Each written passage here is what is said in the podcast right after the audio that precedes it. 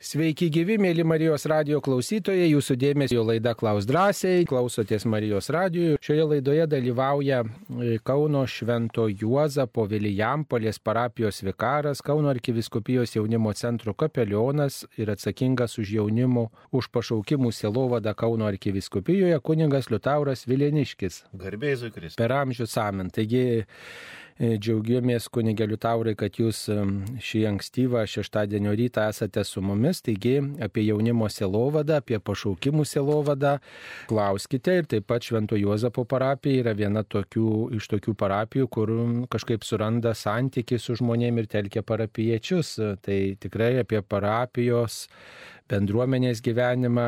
E, taip pat prie mikrofono esu aš kunigas Saulis Bužauskas. Taigi, tai dabar e, laidos pradžioje gal tarkite, tarkite keletą žodžių apie pašaukimų sielovadą, kaip čia reikėtų skatinti tiesiog tą pašaukimų sąjūdį, kad vienuolynai neištuštėtų ir kad mūsų parapijose būtų kunigų, kurie galėtų švęsti Euharistiją, galėtų skelbti žodį, Dievo žodį žmonėms, būti tuo ženklu apie dangaus karalystę. Gal vis tiek atradote vieną kokį, e, nu, kaip čia pasakyti, receptą ar būdą, kaip galima būtų skatinti parapijose, bendruomenėse tą pašaukimų atsinaujinimą Lietuvoje arba bent Kauno arkiviskupijoje. Jo, kažkokio tokio vieno recepto galbūt ir tikrai nėra absoliutaus, universalaus. Jeigu jis toks būtų, tai tikriausiai mes e, visi žinotumėm, kaip tuos pašaukimus skatinti ir, ir būtų, būtų labai aišku ir paprasta. Bet e, melstis visados, visados visos parapijos, bendruomenės ir vienuolijos, visi yra pašaukti melsis už pašaukimus. Ir tai yra mūsų, kaip sakant, visos bažnyčios, visos visuotinės bažnyčios e, reikalas, rūpestis ir kiekvienam katalikui, kiekvienam katalikui tai yra šventas dalykas rūpintis ir savo aplinkoje, savo šeimoje. Tai va šitą žinią ištransliuoti ir, ir ją skelbti apie pašaukimus, tai be abejo ir pašaukimų selovados, mūsų komandos, mūsų savanorių. E, ta, ta žinia e, transliuojama ir sakome, kad tikrai esame kiekvienas pašauktas kiekvieną žmogų Dievas yra pašaukęs. Dievas pašaukęs būti šventu, Dievas pašaukęs būti laimingu, Dievas pašaukęs yra į bendrystę. Ir kiekvien, kiekvienam žmogui yra, yra tikrai e, tas pašaukimas, jisai atrandamas per bendrystę, per bendravimą su Dievu. Tai nėra, kad taip, na, nukeltas iš viršaus tau pašaukimas duotas ir viskas, bet tai yra ryšyje su, su Dievu, su Jėzumi. tą pašaukimą galime atrasti mes galime padėti. Turime e, Samuelio kursą, kuris e, na, jau, jau pasiekęs ne vieną žmogų ir užsirekomendavęs yra šitas kursas, tikrai vyksta jau eilę metų. Ir e, vaisių, na, po truputį tie vaisiai auga, galėčiau sakyti, jie, jie bręsta, tai, tai mes matome po truputį, bet, dar kaip sakant, tokių nedrasių žingsnių išsiskleidžiant. Bet aišku, kad daugiau tai yra pašaukimų į šeimą, į santuoką. Matome pašaukimų į vienuolinį kunigystę, taip pat matome ženklų mūsų, mūsų kaip sakant, akiratyje, bet jų tikrai, juos reikia labai atsargiai puoselėti ir auginti. Ir sakau, vat, pradžioje ir visiems, tai, tai melsis už pašaukimus tikrai šita, šita tarnystė mūsų visų tai tikrai yra, yra svarbi. E, tai teko girdėti, kad Samuelio kursas, tas e, jaunimui skirtas kursas, kuriuose sudaromos sąlygos apmastyti savo pašaukimą, yra labai sėkmingas Latvijoje, kur ten, žodžiu, daug žmonių atranda savo dvasinį kelią. Tai Vienas toks dalykas. Antras dalykas, tai mm, Prancūzijoje, pavyzdžiui, teko girdėti, kad mm, vienoje viskupijoje, berots e, Liono mm, viskupijoje, ten, kur e, labai išplėtota švenčiausio sakramento adoracija, žodžiu, irgi na, daug tų pašaukimų į kunigystę, į vienuolinį gyvenimą. Taigi, e, Na štai bendruomeniškumas ir, ir taip pat maldos kelias e, yra tie instrumentai, kurie paskatina pašaukimų selovadą. Aišku, kad mūsų krikščioniškose šeimose, jeigu būtų daugiau kalbama apie pašaukimo kultūrą, jeigu nebūtų stabdomas žmogus arba būtų primenamas toks kelias, supažindinamas su tokiu keliu, galbūt irgi tai būtų vienas iš tokių paskatinimo būdų. Svarbu, kad tikrai žmonės nebūtų abejingi ir galbūt matydami žmogų, kuris ar meldžiasi, ar patarnauja, kažkaip bandytų irgi vat, galbūt išvelgti tą dovaną, kuris galėtų tarnauti, galbūt paskatintų taip arba primintų žmogui tokį kelią, va, nes yra tikrai daugybė liūdėjimų, kai kiti pasako, kad štai va, tavo kelias gali būti vienuolinė, tu tikrai va, toks pamaldus žmogus arba, arba va, tokia bendruomenė yra, kur tikrai va, tokią charizmą turi, galbūt pagalvok apie tai, tai irgi toks būtų ženklas iš Dievo per mūsų žodžius. Taigi, žiūrime, kokios žinutės mums atsiustos. Pirmas klausimas, kur ruošiami egzorcistų kursai vyrams ar moteriams? Na tai reikėtų klausti turbūt pas egzorcistus, tokių kaip egzorcistų kursų, tai yra specialiai turbūt paskirtiems, tik e, vyskupų paskirtiems kunigams egzorcistais. E, e, būti egzorcisto tarnystėje. Jiems galbūt ruošiami tokie kursai Romoje, būna susitikimai arba kažkur kitur, o, o vyrams ir moteriams pirmiausia reikia laikytis krikščioniško tikėjimo, priimti sakramentus, lankytis tikrai katekizmo, katechetikos susitikimuose, kur na, plėtojamas tikėjimas, vystomas tikėjimas, perteikiamas tikėjimas, kaip čia sakyti, kad geriau susipažintume. Pirmiausiai mes patys turim gintis, išmokti nuo piktojo, atmesti pagundas ir rinktis maldos kelią, išvesti sakramentus. Ir gal čia tokia iliuzija buvo į neseniai pasirodžiusi filmą, kur e, katalikų vienuolė e, buvo tenais kaip ir egzorcistė, pirmoji tarsi. Tai tas filmas yra daugiau, na, na, jis daugiau ten filmas negu, negu realybė, man atrodo. Taip tokių dalykų nėra, neegzistuoja, nes, nu, vat, galbūt tokie filmai kartais irgi paskatina žmonės taip galvoti, kad yra vyram ir moteriam, na, pasauliečiam ir panašiai, kad egzorcizmai, egzorcistų kursai kažkokie tai egzistuoja. Ar nuodėmė pavydėti žmogui dvasinės draugystės su kitu žmogumi?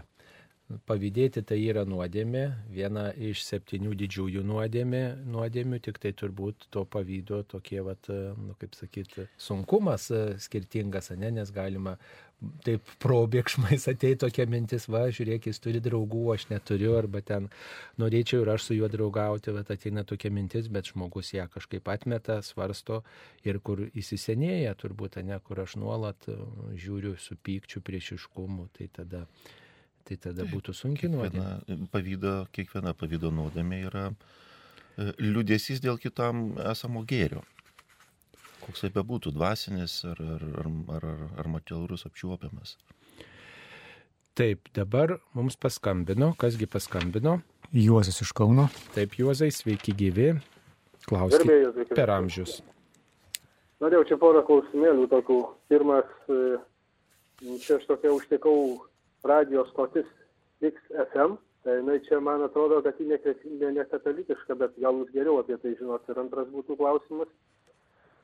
Reiškia, anksčiau, maždaug prieš 30 metų, buvo galima 9 mėnesių penktadienių komunijas atlikti galima svetimam žmogui, sakykime, tėvas už sūnų ten gali eiti ar, ar atvirkščiai, o dabar jau kažkaip pasikeitė viskas, girdėjau, kad jau tik pats su save žmogus gali, kitas jau negali.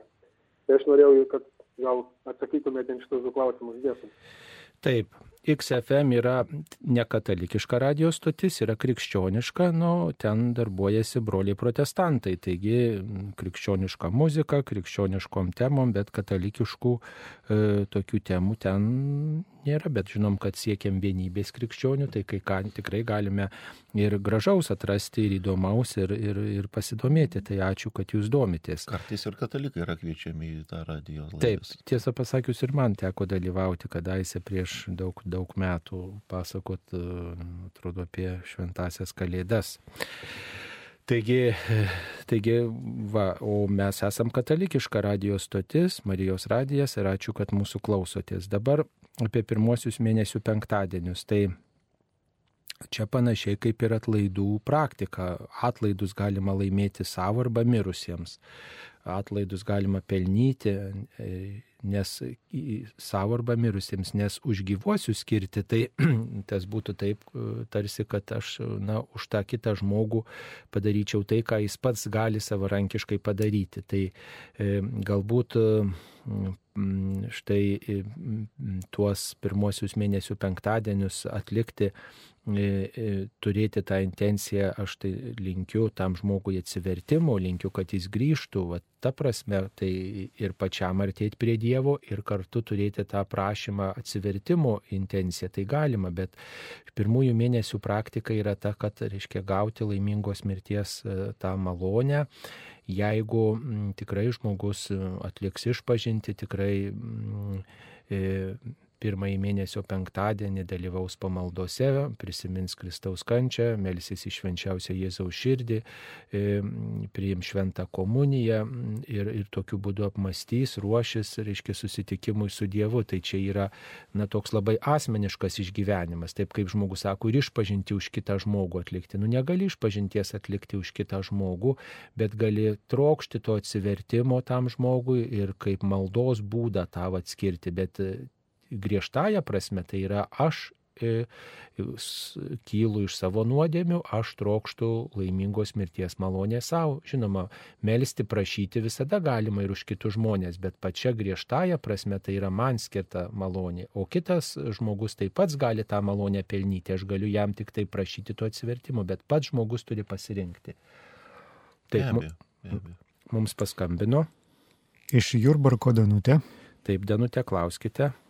Garbė Jėzui Kristui. Per amžius, amen. Džiaugiuosi labai girdėdama jūsų laidą, nuostabi laida, tikrai labai viską išaiškinat ir aš noriu jūsų paklausti, ką žin, kodėl prieš mišes, prieš sumą jau nėra gėdama Dievas mūsų prieglauda ir stiprybė, kurie šitokie prasmingi žodžiai, šitokia galinga malda, ypatingai šito laikmečiu, labai jau esu giliai tikinti, į mūsų visą šeimą pasilgstam, vieno žodžio negirdim tos daugybę, daugybę metų, kodėl jį netiek daug laiko užima, atrodo, ir viską ta gesmė prieš pulkį vankelių, bet jau jos negirdim, dėl ko čia ir tikri žodžiai tikrai čia viską jau atrodo, kad negalėjo jinai kažkur išnykti iš, iš tikinčiųjų.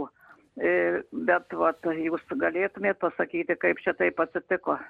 Taip, gal kunigė, jūs žinote, kaip išnyko šitą giesmė. Tikrai nepasakysiu.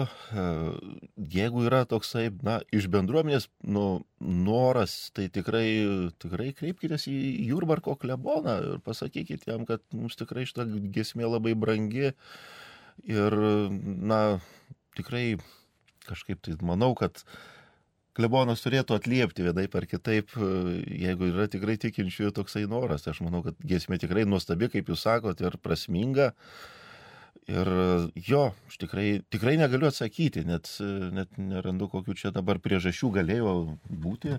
Atsirasti, e, ar... nu, žinot, liturgijoje irgi yra tam tikros, kaip čia pasakyti, tradicijos ir, ir papročiai, jeigu taip jau labai E, paprastai kalbant, tam tikros mados, ne, ir, ir tiesiog vienos giesmės pamirštamos, kitos kitos štai naujos ateina, tos naujos paskiau pasensta, štai jau nepriklausomybės laikotarpiu kai kurios giesmės jaunimui buvo labai mielos, bet dabar jau kitos ateina jaunimui ir tų, tų senųjų, kur jaunimas mėgdavo, jau jie nebenori gėduoti. Tai čia taip yra, o Dievas mūsų prieglauda ir stiprybė, tai yra E, tiesiog iš psalmės paimta, paimtas tekstas, šventraštinis tekstas, na, e, tradicinio tokio pamaldumo e, mylėtojų labai mėgstamas, tikrai galima paprašyti, kad jis būtų gėdamas, tas tekstas, ta giesmė, na, kiek tenka girdėti, jisai gėdamas tokiom, na, svarbesniom progom, štai tokiom iškilmingesnėm gal progom, tokiom, vat, kai yra kai yra kažkas tokio labai atsakingo daroma. Vat, teko dalyvauti, pavyzdžiui, bažnyčios e, pašventinimo iškilmėse, žinau, gėdojo, paskui e, vienoje tokioje procesijoje teko girdėti, kad gėda tokia va reikšminga procesija buvo permaldavimo intencija. Tai va tokiom progom pasirenkama šita giesmė, va sustiprinti tikėjimą. O sekmadienį prieš sumą gėdama pulkim ant kelių tradiciškai dar nėra išnykęs tas paprotys. Bet visada galima prašyti, kalbėtis ir, ir pageidauti, tai čia tą įmanoma padaryti. Taip. Dabar dar viena žinutė, jei kyla didelė abejonė, ar toje situacijoje nuodėmė buvo, ar ją reikia įvardinti per išpažinti. Taip reikėtų įvardinti, tiesiog ir įvardinti tą abejonę, kad jums visiškai būtų širdyje ramybė. Taip, kuris Jėzaus kūnas yra Euharistijoje, ar iki aukos ant kryžiaus, ar miręs ant kryžiaus, ar prisikėlęs. Visas Jėzus ir tas, kuris gimė Betlėjuje. Ne, ne, ne, neskaidoma dalimis ar, ar, ar kažkokiais amžiaus tarpsniais Jėzos gyvenusio žemėje, bet tai yra visas Jėzaus Kristaus kūnas, reiškia nuo jo gimimo iki jo, jo, jo mirties ant kryžiaus. Tai yra, tai yra tokia, tokia teologija.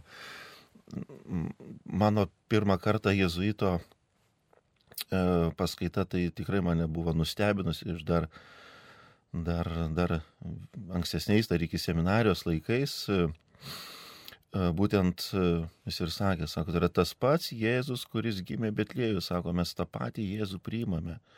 Priimame, tai bet man ta buvo kažkaip nauja tokia žinia, kad taip, tai yra tas pats Jėzus. Taip tiek, tai tiek. Taip. E, Ar gali 35 metų žmogus registruotis į pasaulinės jaunimo dienas, koks amžiaus intervalas tinkamas dalyvauti, ar 17 metų žmogus nėra per jaunas vykti į tokią kelionę? 17 tai, tai, tai ne. Gali vykti, nėra per jaunas. E, tikrai, na, jeigu dar tie, tie, jau jie turi pasus, jau jie gali keliauti, tai reikės tikriausiai dar iki pilnametysės, va tie meteliai belikę, tai reikės e, tėvų sutikimo. O 35 mm, gali kreiptis tikrai mūsų e, jaunimo, pasaulio jaunimo dienų tinklapis yra ir tenais yra visa, visa informacija pateikta. Tai tikrai gali sužinoti ir gali taip pat ir prašyti, prašyti jeigu ir kokios išimtinės tokios uh, e, tokiu atveju, jeigu tikrai dega širdis ir, ir, ir jūs tikrai trokštate, tai tikrai kreipkitės į, yra kontaktai ir, ir klauskite. Ligoninėje buvo suteikti atgailos e, švenčiausiasis ir ligonių sakramentai ir galiu sakyti, kad buvau iš pažinties, jei buvo tik sužadintas gailestis. E, nu, jeigu sakot, ligoninėje buvo suteiktas atgailos sakramentas, tai tai, tai tada priemėt, taip sakant, atleidimo sakramentą. Jeigu tik sužadinote gailestį, tai iš pažinties nebuvote, tai čia jums spręsti. Bet šiaip tai, žinot, jeigu aš tik tai sužadinau gailestį, tai nereiškia, kad buvau iš pažinties. Tikrai Išpažintis ir yra išpažintis, kada ne tik sužadinu gailestį, bet išpažįstu nuodėmės ir kunigas suteikia nuodėmių išrišimą. Žinoma, ligonių sakramentas turi tą malonę mus, mus tikrai ypač sunkioj lygoje esančius tikrai išlaisvina iš nuodėmių, sustiprina, dėl to, kad ligonis jau kartais negali atlikti tos išpažinties, bet jei grįžtat namo, jau esat sveikesnė, tikrai skubėkit atlikti išpažinti, jeigu tikrai galite ir pasinaudokit šitą malonę, nes dangstytis po tuo, kad man buvo suteiktas ligonių sakramentas, tai nereikia, tai būtų toks, na, manipuliavimas. Taip, kas yra atsivertimas? Dievo prašyti maldoje gyviesiems atsivertimo malonės. Ką reiškia?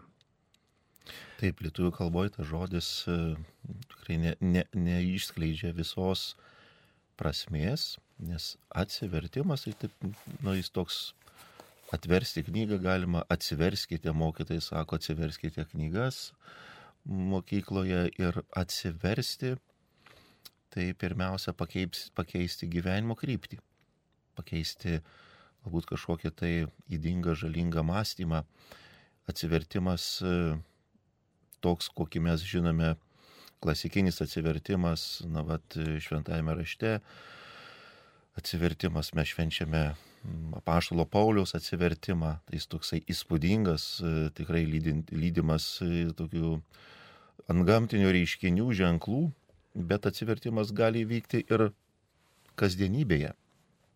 Atsiversti mums reikia praktiškai e, nuolatos krikščionis turi, turi turėti šitą troškimą atsiversti, pakeisti savo mąstymą.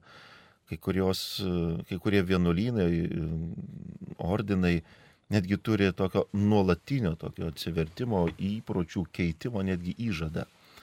Tai, tai mums tikrai kiekvienam krikščioniui, katalikui, tai svarbus, svarbus dalykas visada turėti ryšį su Jėzumi. Visada pamatyti, kur aš klystu ir atsiversti. Galima sakyti, išpažintis, tai irgi atsivertimas. Mažas atsivertimas, kada aš vėl gailiuosi dėl savo nuodėmių ir trokšų keistis, trokšų keisti savo gyvenimą. E, taip, mąstymo keitimas, turbūt galėtume taip apibendrintai pasakyti. Ir atsivertimo malonės visada reikia prašyti savo ir visiems mūsų broliams ir seserims, kurie mums rūpi. Dar viena žinutė, ar permanento darimas nenuodėmė. Tai Tiems, kurie nežino, reikėtų pasakyti, kad permanentinis makijažas yra kosmetikos metodas, kai tatuiruotės naudojamos kaip priemonė sukurti makijažą primenančius piešinius. Pavyzdžiui, akių pamušalą ar kitas nuolatinės veido, lūpų ir akių vokų spalvas. Taigi toks va yra apibrėžimas, kurį pavyko surasti. Tai ar tai nėra, nėra nuodėmė? Yeah mano sesuo yra pasidariusi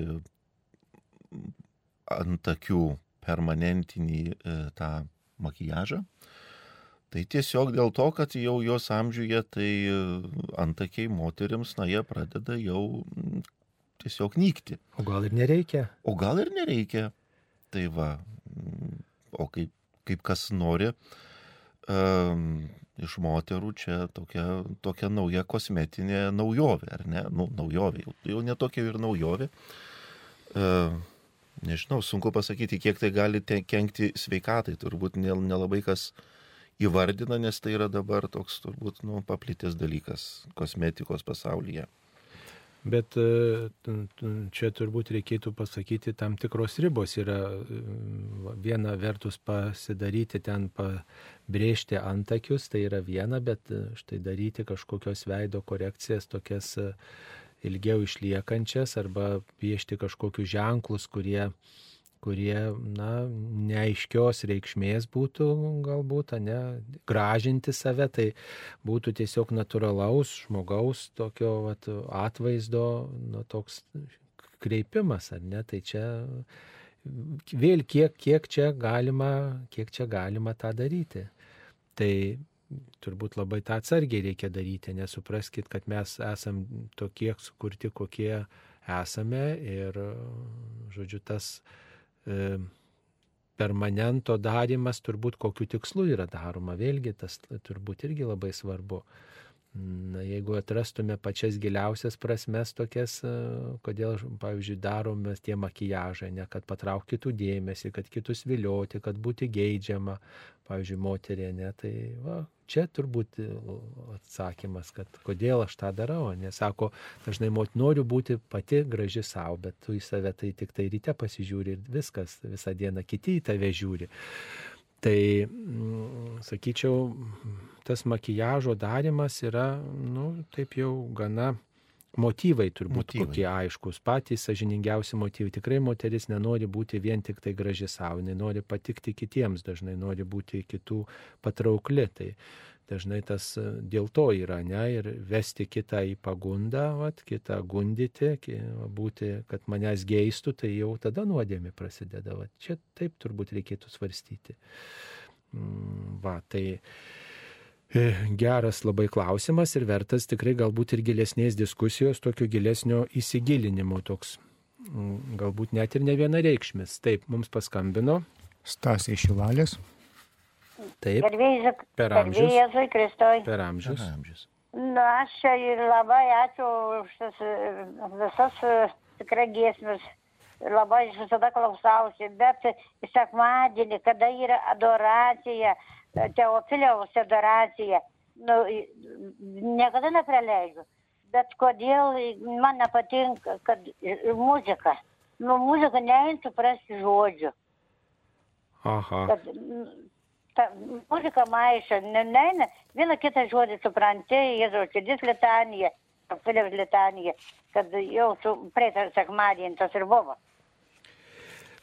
Nu taip, tai čia žinot priklauso nuo to, kas gėda, tai kartais galbūt nelabai aiškiai gėda ar toliau nuo mikrofono, na tai tokie visokie, e, tokie visokie niuansai, žinot, ir, ir mes esam redakcijoje operatoriai toli nuo tų e, kaišėdorių, bet jeigu girdi kas nors, kas gali tenai reguliuoti tuos dalykus, tikrai maloniai kviečiame į tai atsižvelgti, kad aiškiau tartumėte žodžius, arčiau prie mikrofono būtumėte, artikulacija gėdant, kalbant būtų tokia aiškesnė, kad klausytojai iš tiesų girdėtų ir suprastų. Tai ačiū už jūsų pastabą. Čia, žinot, nuolatinis dalykas yra, nes žmogus, kuris kalba prie mikrofono, gėda, ne visada jis yra, na, kaip čia pasakyti, e, turintis įgūdžius tą daryti, o net ir turint įgūdžius kartai, žinot, na, nepavyksta dėl įvairiausių aplinkybių gerai visko e, atlikti. Tai čia, mm, nu, toks nuolatinis rūpestis. Tai ačiū, kad jums tai rūpi, kad jūs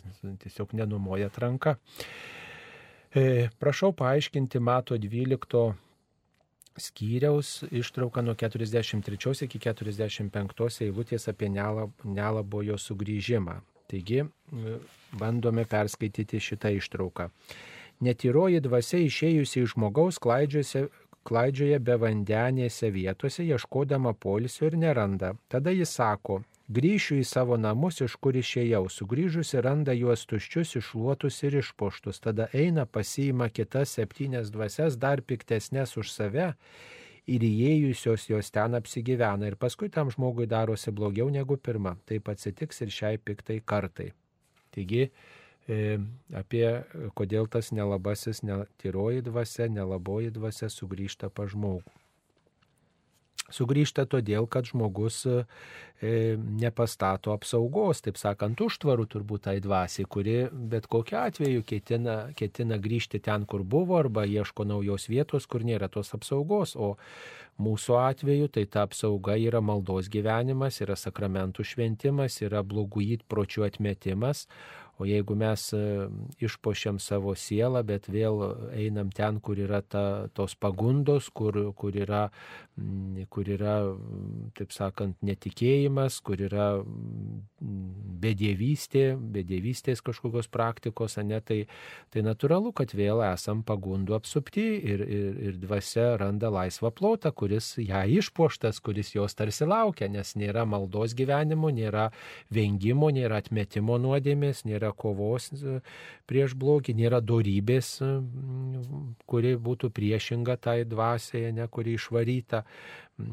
jeigu tai buvo netyrumo dvasia ar ten dar kažkokia kita dvasia, tai išvaroma dieviška gale, bet žmogus tada turi tapti viešpaties sėkėjas arba e, gintis viešpaties žodžiu, kitaip sakant, ne viešpaties gale, viešpaties sakramentais paliktais. Va, tai, tai mes visi po išpažinties esam e, na, išlaisvinti, tam tikrą prasme mūsų namai išpuošti mūsų dvasios namai išpošti, bet ar jie turi tą apsaugą, taip jie turi kažkurį laiką, jeigu mes tą apsaugą stipriname atmesdami pagundas. Jeigu... Taip, tai yra nuolatinė, nuolatinė žmogaus e, būsena pasaulyje, kad kovoti reikia nuolatos, ne vieną tik tai įdėjus pasangas vienkartinės, bet tai yra nuolatinė mūsų dvasinė kova, kuriai mums reikalingi ginklai. Ir be šitų ginklų mes tikrai, nu, vat, ir, ir esame pastatomi vat, į tokią Jėzaus šitą pavyzdį, kad be tų ginklų mes vėl atsidūrėme dvasių taikinyje ir esame jų taikinyje. Taip, mums paskambino. Dar kartą Juozas iš Kauno. Taip, klauskite. Dar sveiki, gerbėjai Zukris. Per amžius. Vieną klausimą dar norėjau. Dabar norėjau sužinoti, reiškia, aiškiau, septyni sakramentai, tai ar jie įsteigti grinai Jėzaus Kristaus, ar čia yra ir žmogaus indėlis kažkoks. Ačiū. Taip. Aišku, kad jie savo pradžią turi Kristaus žodžiuose, Kristaus veiksmuose. Taip jie įsteigti paties Kristaus, tai bažnyčia moko. E, va, bet e, žmogaus indėlį žinoma, kad yra tų sakramentų ir administravimas tam tikras, reiškia, ir jų, jų tam tikras ir keitimasis, vis tiek kiekvienas sakramentas savotiškai per istoriją ir jo šventimas pakito, va, bet esmė tai išliko ta pati. Jėzaus gale žmogus išlaisvinamas, Jėzaus gale žmogus sustiprinamas e, ir kiekviename sakramente veikia ne tik, reiškia, Jėzus, bet visa švenčiausioji trejybė. Tai čia va ta esmė, o o per kultūras, per, per mm, įvairius laikus tų sakramentų šventimas pasikeitė, bet ta esmė išliko ta pati. Kas be ko, tai yra bažnyčioje ir su bažnyčia jie yra ir iš bažnyčios kartu su Jėzumi jie yra atsiradę ir tai, tai jau mes turime visą, e, kaip ir jūs sakėte, vat, šventimo formos, jos gali truputį keistis, bet sakramentai yra ir jie, jų nei skaičius nesikeis. E, tai ir pati forma ir materija, kurios, kurie reikalinga sakramentams, tai jinai tikrai nesikeis. E, ne, nežiūrint, kokie būtų laikpečiai ir amžiai, e, ko, ko reikia sakramentom švesti, pavyzdžiui, ar ne, tai vanduo, aliejus, rankų uždėjimai, tai šitie dalykai jau yra apaštalų, apaštalų jau e, laikais atsiradę ir apaštalai apie tai jau kalba ir, ir, ir mini. Pavyzdžiui, ligonių sakramentas ar ne, kur apaštalas Jokūbas sako, jeigu kas nors pas jūs serga, sako, tegul pasikviečia bažnyčios vyresniuosius, jie tiesimeldžia, patepdami viešpatės aliejumi. Tai yra, taip yra paštalinė tradicija. Taip, ką daryti, jei mane užpuolė skrupulai? Nu va, toks receptas.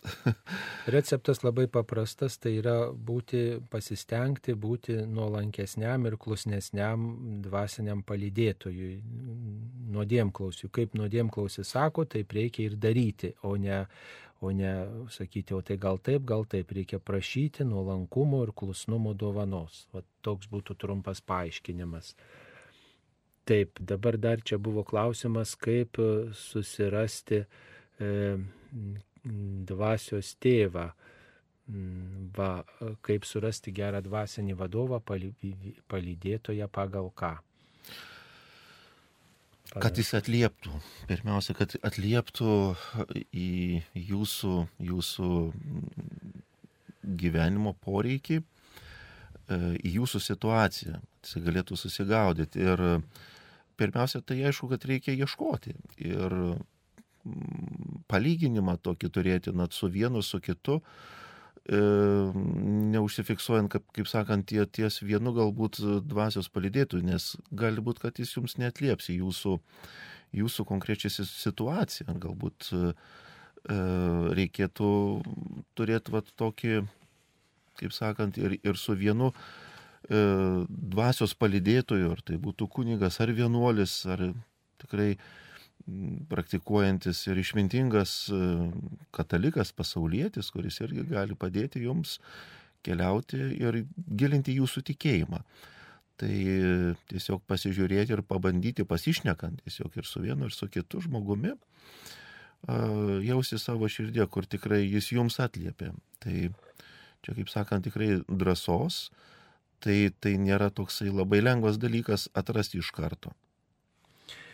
Taip, melstis, melstis ir melstis karštai ir nuoširdžiai, troškimą turėti viešpats pasirūpins ir siūs įvairiausių ženklų.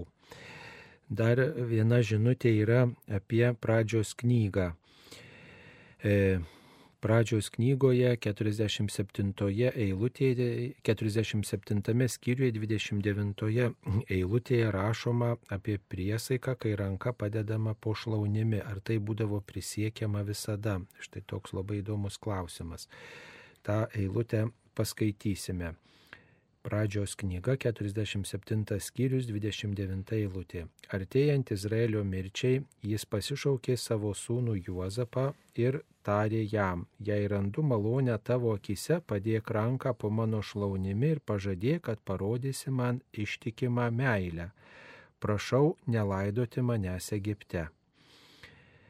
E, štai e, toks yra priesaikos būdas ir mūsų klausytojai domisi, kas tai būtų, ar tai būdavo įprasta tą daryti. Taigi dar vienoje vietoje pradžios knygoje 24, 24 skyriuje e, taip pat e, toks paprotys yra minimas. 24 skyrius, 24 e, skyrius, antra eilutė. Abraomas tarė vyriausiam savo namų tarnui, buvusiam visų jo turtų valdytojų, padėk savo ranką po mano šlaunimi ir aš prisaigdinsiu tave viešpačiu dangaus dievu ir žemės dievu, kad tu neimsi žmonos mano sūnų iš kananiečių dukterų, tarp kurių aš gyvenu.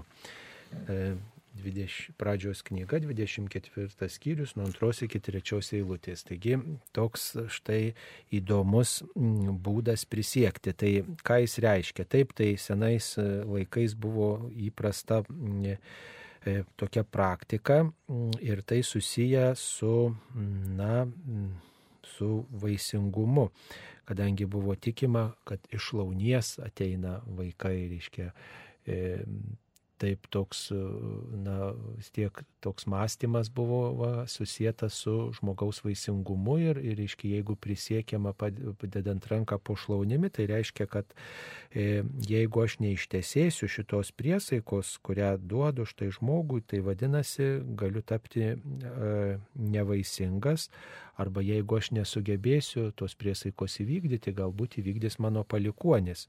Arba, na, gali būti taip, kad na, mano palikuonėms bus atkeršita.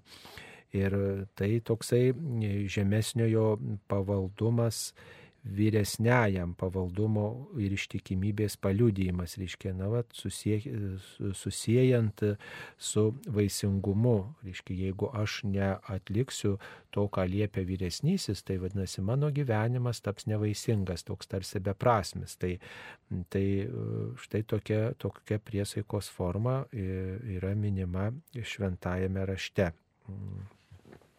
Taip trumpai. Dar klausimas, prašau paaiškinti apie votus, kur jų galima įsigyti, klausė Virginija. Tai votų galima įsigyti liturginių reikmenų parduotuvėse, man atrodo, Šiluvoje ten yra taip pat e, toksai mm, piligrimų centre tokia parduotuvėlė, kur platinamos knygos, žvakės ir taip pat teko matyti ir votai. O votai tai yra tokie padėko ženklai, širdelės ar, ar kokios kitos formos mm, padėko ženklai, kurie, na, vat, prisegami prie paveikslo, mm, prie kurio melžiama įvairiausių malonių. Pavyzdžiui, jeigu aš šiluvoje mergelės Marijos prašau kažko arba prašiau kažko ir gavau, tai vad kaip padėko ženklą, va tokį votą galiu paskirti. Taip pat yra tradicija prašyti pas juvelyrus, e, kurie vat, toje srityje specializuojasi ir pagamina votą, bet tada būna šiek tiek brangiau. Paparčių mm, Betlėjaus seserys taip pat pandemijos metu teko matyti ne vieną jų padarytą votą, jos turi, turi taip pat iš seserų tarpo juvelyrė berots ir, ir jos taip pat yra jau ne vieną votą pagaminusios bažnyčiose. Tai galima turbūt ir tenais pamėgint e, kreiptis ir paprašyti, galbūt irgi pavyks. Taip. Norėjau paklausti, kaip pasikrikštyti žmogui esančiam kalėjime na, kreiptis į kalėjimo kapelioną arba paprašyti prižiūrėtojų, kad e, padėtų susitikti su kunigu. Tiesiog va taip galima sakyti. Paprastai kiekvienam kalėjime yra galimybė paprašius prižiūrėtojų susitikti su kunigu. Tai priklauso, nežinau, kuri, kuri, apie kurios kalėjimus kalbama, bet e, pravieniškių, kurio, kuris yra iš Kauno arkiviskupijos e, kunigų tarpo ir, ir komandos yra savanorių, kurie lanko ir važiuoja reguliariai, veda ir e, krikščioninimo kursus, ir man pačiam ir alfa kursai yra tekę tenais vesti. Tai, tai tikrai yra, yra galimybės tikrai drąsiai. Taip, dabar dar mums paskambino Milda iš Švenčionėlių. Taip, Milda, klauskite. Garbėsiu Per Kristui. amžius. Pirmiausia, didelis ačiū, kad atsiuntė dienos paukojimo maldą ir palaimintojo Karolio Kučio litaniją. Va čia ta litanija mane labai sujaudino, kad toks jaunas. Ar, ar čia tikrai jo tas gyvenimas? Devin- 91 gimęs ir 2006 miręs. Ir čia litanijoje parašyta daug jo nuopelnų. Vat norėčiau apie jį daugiau sužinot. Kaip Tai- jis toks jaunas būdamas tiek daug galėjo nuveikti. Na tai čia paslaptis, kodėl jaunas žmogus tiek daug nuveikia per gyvenimą, bet mm, taip jau to, matyt, žinau, tokie apvaizdos buvo nu, toks planas, kad tas jaunas žmogus tikrai per tą trumpą 15 metų gyvenimą tikrai tiek daug padarytų na, va, ir, ir domėtųsi ir, ir, ir, ir kompiuteriais, ir sportuotų, ir, ir taip pat rinktų žinias apie Euharistijos stebuklus ir, ir, ir panašius dalykus darytų. Tai jisai Italijoje mm, gyvenęs, jis italų tautybės yra palaidotas netoli Šventojo Pranciškaus mm, Asyžiuje, e, mergelės Marijos bažnyčioje. Ir taip pat labai įdomu, kad jis apvilktas tokiais sportiniais rūbais, nes buvo labai sportiškas virukas ir su mm, žinomos firmos sportbačiais, kėdais, tai tiesiog tas labai, nu taip, neįprasta mūsų akiai, atrodo, reikėtų kažkokiais kostiumėlių apvilkti ar panašiai, už tai spor, sportinių kostiumų apvilktas ir, ir jį galima pamatyti.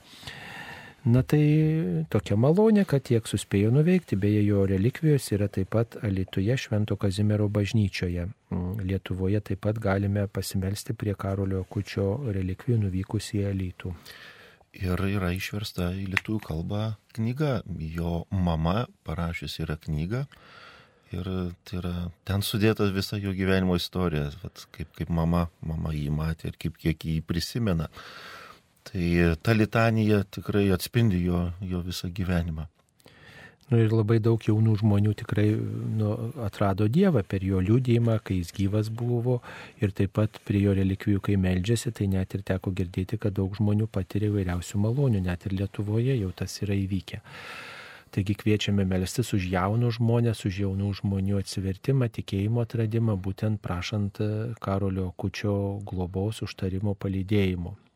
Klausimas labai sunku su pasiryžimais, pasiryštų maldos atžvilgių melstis, bet po kurio laiko viską nutraukiu. Ką daryti? Ką daryti, vėl pradėti iš naujo, sakytume taip, ir pasitarti su nuodėm klausiu savo, ką daryti, kai nepavyksta tų pasiryžimų ištesėti. Kodėl jūs nutraukėt? Štai kur klausimas, kas trukdo? Ir ar tikrai pasiryžimai mm, atitinka jūsų, jūsų gebėjimus, jūsų galimybės. Ar tikrai na, ne per aukštai užkėlėte kartelę ir tada tiesiog e, tas lydi nusivylimas, kad jūs tos kertelės negalite įveikti. Tai irgi mm, su nuodėmklausiu galit na, paklausti ir pasikalbėti, tikrai galbūt atrasti, atrasti tokius pasiryžimus, kurie būtų jums tuo metu įmanoma, įmanoma jūs pa- pasiekti ir kas trukdo, tikrai kas trukdo juos vykdyti jums.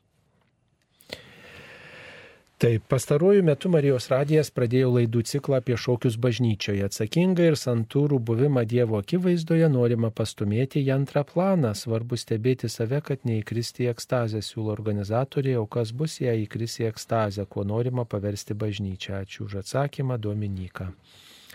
Na tai nėra joks laidų ciklas, tiesiog, tiesiog na, yra žmonių, kurie domisi tas rytimi ir rekolekcijose, rengia rekolekcijas tą temą. Tiesiog ir, ir, ir panašiai kviečia žmonės susipažinti su tokiu maldos būdu, o taip pat ir pasikvietėm e, taip pat liturgijos žinovą, kuris e, e, domisi tą temą ir yra proga taip pat pasvarstyti, ką šią temą masto liturgijos žinovai. Ir, ir kaip tik tai girdėjote, kad kai ka- yra nusvarstoma, kad na, vat, apie tai, kad, žodžiu, tai galbūt nepriimtina kai kam, galbūt tikrai nėra tai kultū, mūsų kultūros dalis ir panašiai. Tai, tai niekas čia nieko nenori paversti bažnyčios, bet tiesiog norime supažindinti ir jaunus žmonės su tokiu maldos būdu, ypatingai tuos, kurie galbūt toliau nuo tradicinių pamaldumo būdų, matot, nu, jūs jauno žmogaus prievartą nesuklubdysit bažnyčiai, bet tiesiog yra būdų galbūt kaip kitaip tikėjimą išgyventi ir vat, nebūtinai bažnyčiai, bet kažkur gamtoje ar, ar sakykime,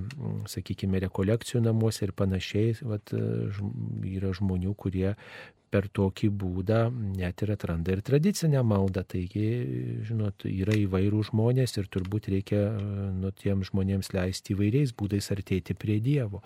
Jeigu jaunimas, jaunimui tai nepriimtina, tas atsakingas, santūrus buvimas Dievo akivaizdoje, graudus buvimas, na tai galbūt reikia kažkokiu kitų būdų kalbinti tuos jaunus žmonės. Taigi yra ir tokios galimybės, ir ypatingai pasaulyje tas yra, ir žmonės keliauja po pasaulį, natūralu, kad jie susipažįsta su įvairiais maldos būdais ir yra proga, proga turbūt žinoti ir, ir pasinaudoti tą galimybę. Tai, žodžiu, mūsų uždavinys įvairiausiais būdais kalbinti žmonės ir liūdėti apie Dievą. Tikrai labai gražių, galiu pasakyti, na, pavyzdžių e, parapijoje, pavyzdžiui, e, pirmos komunijos ruošiami vaikai ir kaip katechetai prieš mišes kartu su vaikučiais, e, taip, jie, jie šoka tokios animacijos, e, kartu gėdant giesmę ir ją palydint, e, palydint judesiais.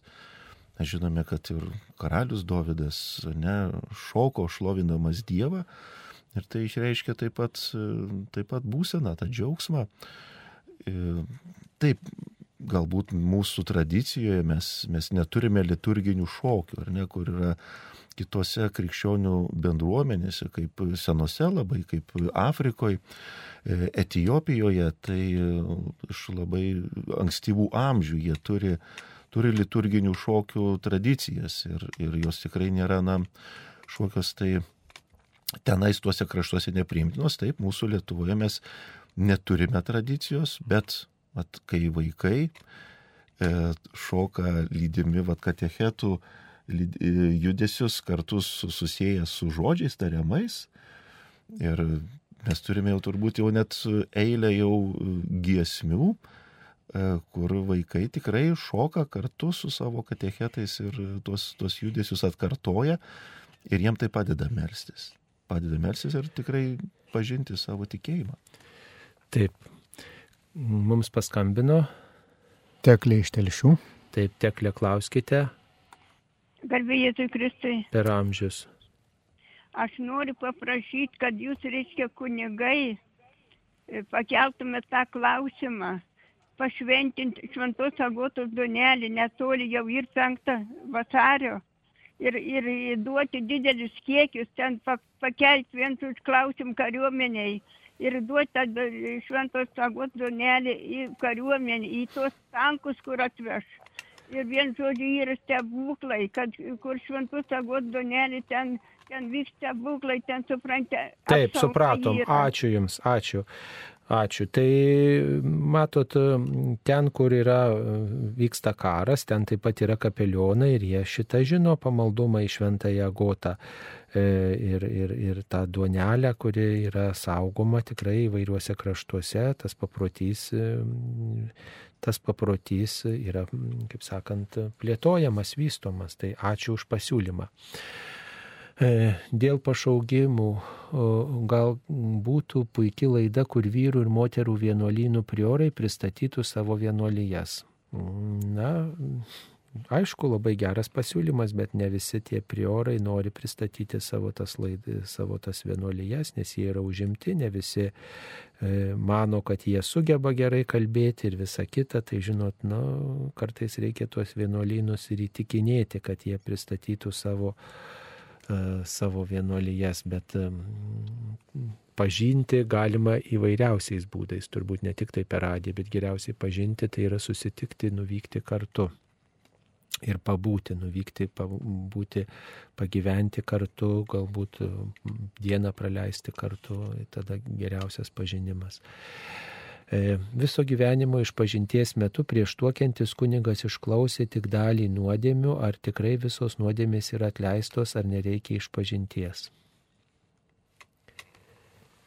Nu, tai žinot, ką jūs e, kitą kartą, kai eisit iš pažinties, jūs galite šitai pasakyti, kad, vat, na, vat, tokių nuodėmių nespėjau išpažinti, nes kunigas tiesiog mano išpažinti nutraukė, kad jūs turėtumėt visišką, visišką sąžinės ramybę. Taip, neaišku, ar kunigas skubėjo, ar tiesiog jūs galbūt kartojote, žinot, kartais būna, kad žmogus vat, nori išaiškinti viską ir tiesiog, nu, tiesiog pakartoji tuos žodžius, kuriuos anksčiau pasakėjai. Tai tiesiog taip gali būti. Kaip elgti su slavų kilmės žmonėmis, kurie senokai gyvena Lietuvoje, bet nemoka ar nenori kalbėti valstybinę kalbą, ypač nuo to kenčia paslaugų darbuotojai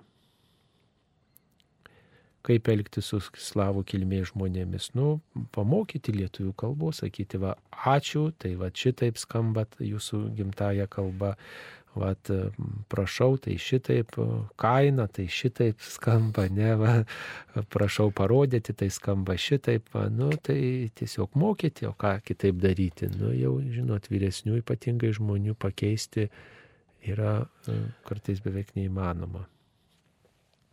Jei yra labai stiprus pašaukimas į kunigystę, bet artimieji sunkiai serga, ką tokiu atveju daryti? Į savo artimą numot ranką ar smaginti seminarijoje? Nu atsiprašau, seminarijoje niekas ten per daug nesismagina. Ar smaginote seminarijoje kunigė?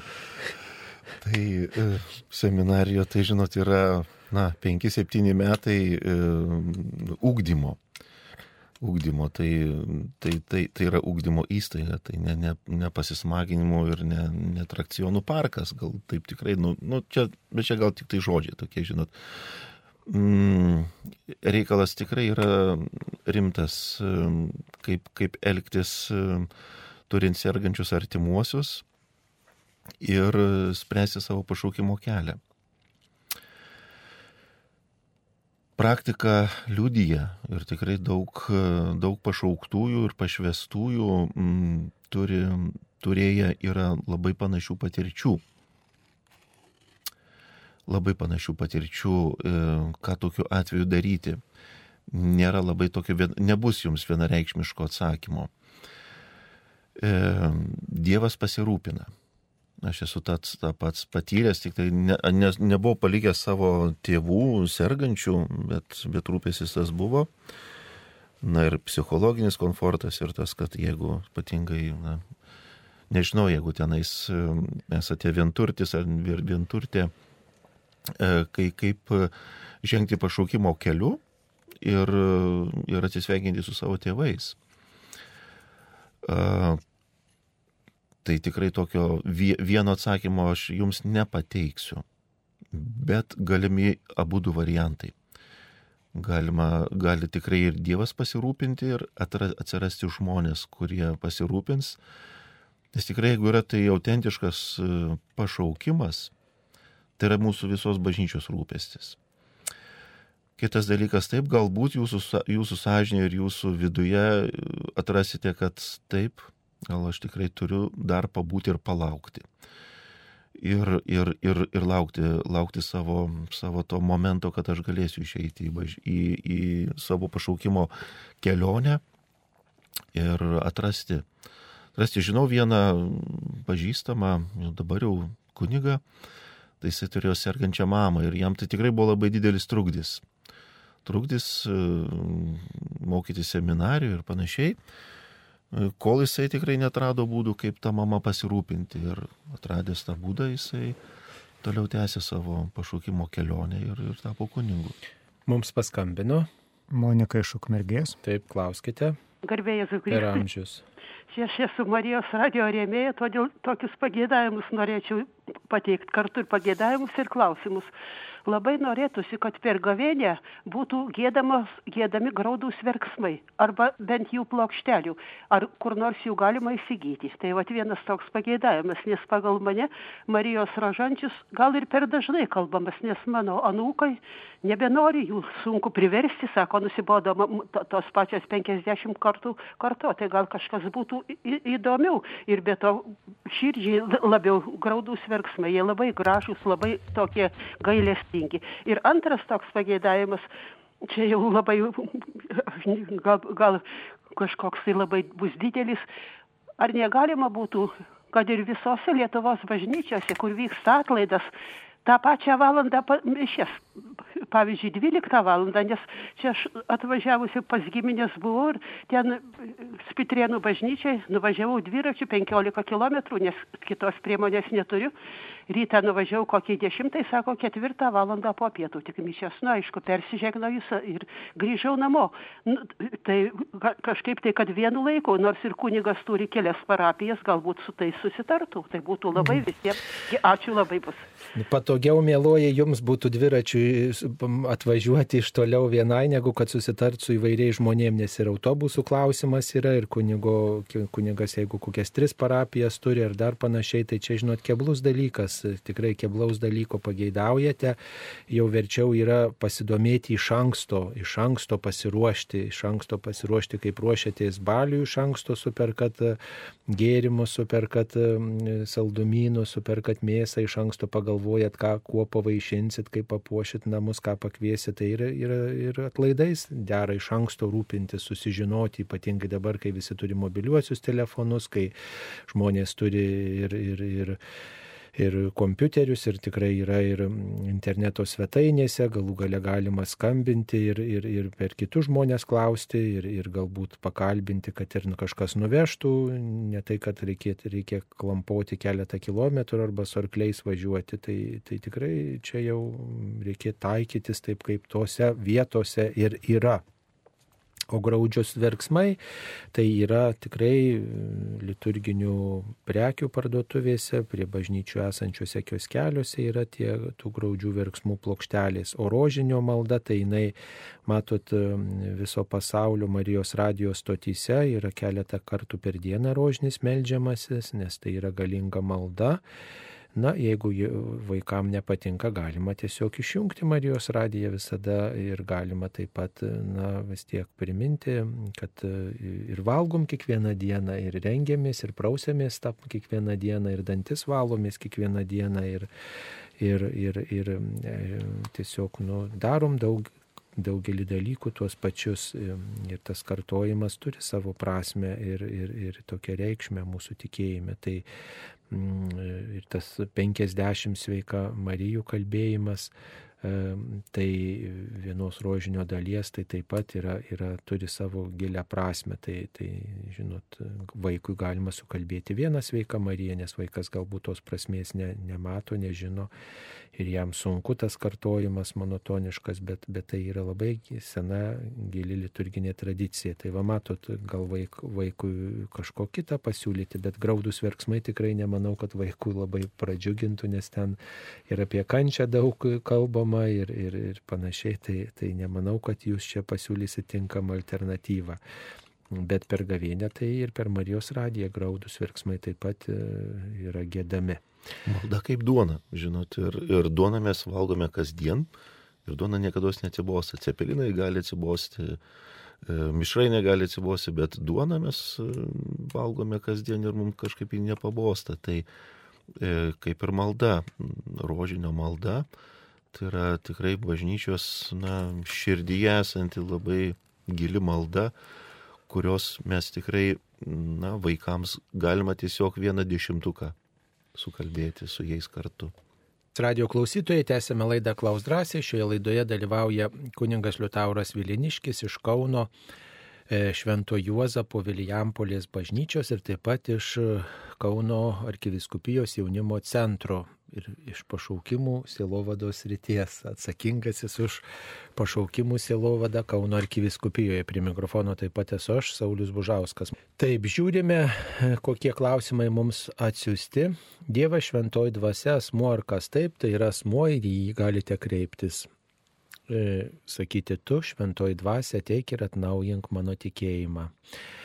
E, kodėl žydai nepripažįsta Jėzaus kaip Dievo sūnų, o tik paprastu žmogumi, kuris vadino save mesiju? Kodėl nepripažįsta? Dėl to, kad jis buvo pernelyg arti, jis buvo žmogus paliečiamas, atrandamas, ne, ir, ir jie tikėjosi, kad atkurs šitą žemišką karalystę.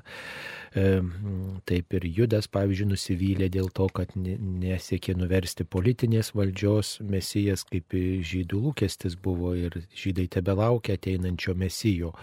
O mes krikščionys esame Kristaus malonės paliesti ir, ir atpažįstame Jėzų kaip mesiją gelbėtoją, kuris ateis laikų pabaigoje ir kuris kalbėjo ne, ne apie šitą žemę tik tai, bet kalbėjo apie dangų, apie dangaus karalystę. Taip pat e, yra žydų, kurie ir įtikėję, tikėjo ir prieėmė Jėzų savo mesiju ir šitas, e, šitas reiškinys ar judėjimas jis tikrai taip pat turi, turi vietą žydų, žydų pasaulyje, ar ne?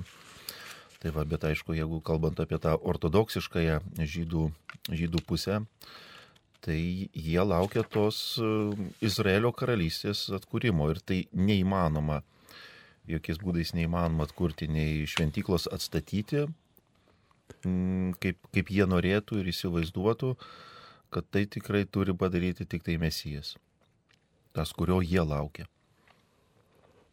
Taip, dabar dar žiūrim, kokios mums žinutės atsiustos.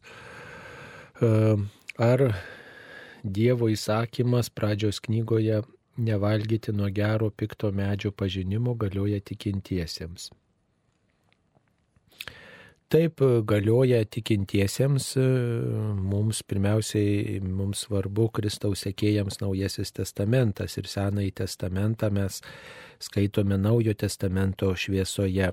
Patiems be Dievo savarankiškai kažką daryti, kažko imtis, e, reiškia siekti to pažinimo, įsisavinti ir Dievo įsakymus atmesti, tai tikrai tikrai na, netinkamas kelias. Tai mm, reikia turbūt ir pradžios knygą skaityti, e, prisimenant, kad Jėzus Kristus mus veda į tą tikrąjį pažinimą. Žodžiu, tai Dievo valią vykdyti svarbiausia ir, ir nesiekti be Dievo kažkokio pažinimo pasaulio. Ir kai tas daroma be Dievo, tai ir skinami tie e, vaisiai nuo gero ir pikto pažinimo medžio, laužant Dievo nurodymus. Pavyzdžiui, etikos rytise ir panašiai. Taigi, žiūrim, ką mums dar atsiuntėte, kaip kovoti su pavydu. Kaip kovoti su pavydu. Kovoti pirmiausiai su pavydu reiškia, e, reikia įsiaiškinti, kas yra pavydas. Tai yra liūdėsys dėl kito gėrio, kad kitam gerai sekasi, tai aš liūdžiu dėl to. Tai priešingas dalykas būtų džiaugtis dėl kito gėrio. Ir dėkoti. Taip dėkoti ypatingai už e, savo, savo dovanas, kurias jūs turite ir talentus, kuriuos jūs turite, nes kiekvienas žmogus yra apdovanotas. Ir nežiūrėti, nelyginti. Nelyginti, va tas lyginimas labai dažnai pakiša žmonėms, ko ypatingai jaunimui, žmonė, kai jaunimas lygina save su kitais. Ir visada atrasime kad kiti žmonės yra kažko pranašesni už jūs, kažko tai geresni, nuostabesni, labiau apdovanoti, o pats tarsi lyginime pasilieki tada dar su didesniu negatyvu ir žiūri, kad, nu, va, aš toks nesu kaip aplinkiniai tokie apdovanoti ir nežiūrima į savo dovanas. Tai čia, čia vat, yra labai svarbu vėl atrasti, kad tikrai, tikrai aš turiu už ką dova, dėkoti ir dėkoti ir džiaugtis tuo, ko aš esu ir ką aš turiu. E, pavydas labai sunku, sunkiai ats, atsikratoma pavydo e, ir šitą nuodėmę jau dykumos tėvai apie ją kalba ir kad ją tikrai su ją nėra lengva taip kovoti. E, tai tik tai atkaklumo ir vat, dėkingumo, dėkingumo Dievui už patirtas malonės galima vat, na, lipti, kaip sakant, iš to pavydo liūno. Taip, mums paskambino. Klausytoja Genovaitė. Taip, klauskite. Aš noriu paklausti dabar, palaidojim žmogų, praėjo keturios savaitės, keturnedėlis ir sakėm tas mišėsi, dabar po to keturnedėlio. Ar dar reikia jam ten deginti žuokutės, ten namuose vaikščioti raudant, vis gedinti jo, ar, ar jį jau palikti ramybėje? Nu tai kaip jūs dabar vaikščiosit, sakysit savo vaikščioti ir raudoti. Tai čia tiesiog natūraliai žmogus rauda, jeigu jam gaila, jisai natūraliai, reiškia, prisimena ir tas palaipsniui vyksta mm, atsisveikinimas su žmogumi, paleidimas, tiesiog jo išlydėjimas į e, amžinybę. Tai e, prievarta tikrai e, vaikščioti ir raudoti tikrai nereikia. Tai labai natūralus procesas yra.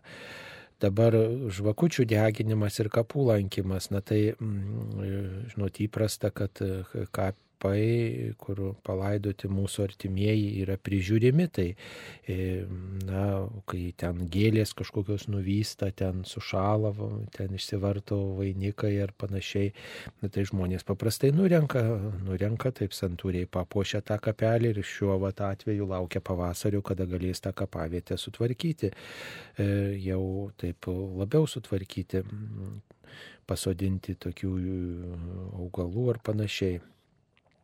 Tai čia bažnyčios mokymė nėra jokių nurodyta e, terminų, kaip reikėtų tą kapą tvarkyti. Svarbiausia, kad e, kada žmogus apsilanko kapinėse, pasimelstų už tą mirusį, pasimelstų, sukalbėtų tradicinius poterius amžinatelis į maldą arba savai žodžiais padėkotų Dievui už tą žmogų, palinkėtų jam Dievo artumo ir paprašytų, kad tas žmogus amžinybėje dabar gyvosius užtartų. Tai vad, aišku, tą galima daryti ir namuose, jeigu jūs nelankote ka, kapų, bet pavyzdžiui, reikėtų dalyvauti šventose mišiuose ir natūralu, kad kai dalyvaujam šventose mišiuose, melžiamės už tai, kas mums rūpi, už savo artimuosius, už savo reikalus. Jeigu va štai prisimenam mišiuose, visada yra tokia vieta, kur prisimenami mirusieji, tai tada ir savuosius paminim ten, ypač nes neseniai mirusius, va, tai ta malda ir mums yra reikalinga ir taip pat pagalba mūsų artimiesiems amžinybin iškeliavusiems, kaip meilės ir solidarumo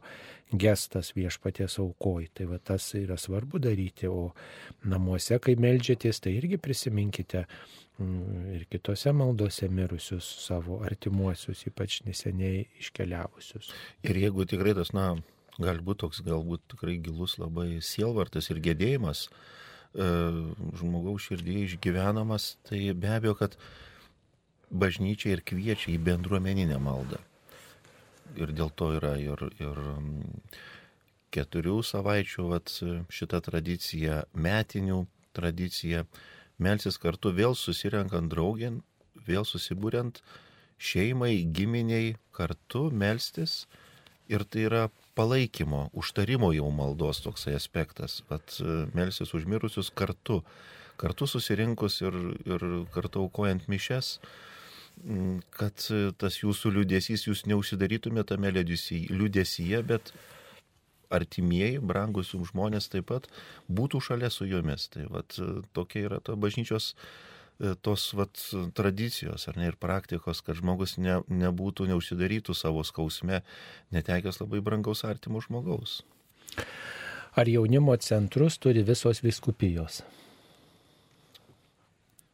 Taip, visos. E, kiek, kiek jos e, aktualiai veikiančios, tai ne, nedrįčiau pasakyti už kitas, bet taip mes daug, daug bendradarbiaujam tiek ir su Vilkaviškio viskupija, E, tiek su Vilniaus e, arkiviskupijos jaunimo centrais, yra e, jaunimo reikalų bendras centras, daromi bendri susirinkimai, aptariant jaunimo selovados reikalus tarp viskupijų. Tai, tai taip, taip, jie egzistuojantis. Man atrodo, Panevežio viskupija, a jaunimo centras taip pat yra vadovė, taip, yra sesuo vienuolė, taip. Tai tikrai yra proga jaunimo pastoracija rūpintis. E, Marijos radio daugiausiai klausom pagyvenę žmonės, bajorai, o ne seniorai, taip apibūdino save. Bajorai kažkodėl kabutėse parašė žmogus, nu, taigi nelabai suprantam lotyniškas, itališkas giesmės, ar negalėtumėte transliuoti ortodoksų, jos tokios gilios ar lietuviškų. Nu, ortodoksų taip pat nesuprasite, nes tai yra senoji slavų kalba gėdama. Ir, ir tai, va, jeigu jūs senior, bajorai esate, tai turėtumėt lotyniškas giesmės suprasti, nes seniau buvo lotyniškos mišios aukojamos.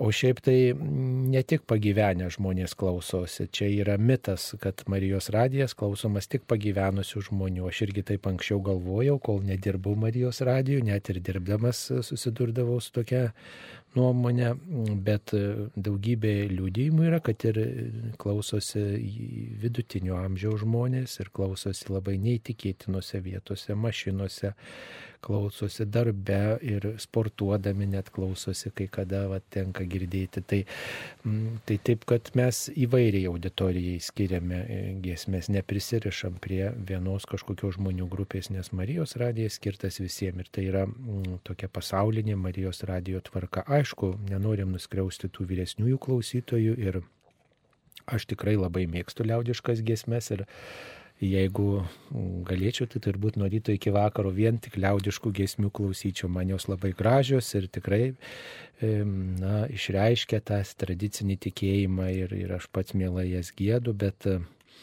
E, taip kaip moku, bet dėja tai yra mano skonis, o klausytojai yra įvairūs, tai reikia na, prie įvairių žmonių taikytis. Tai, va.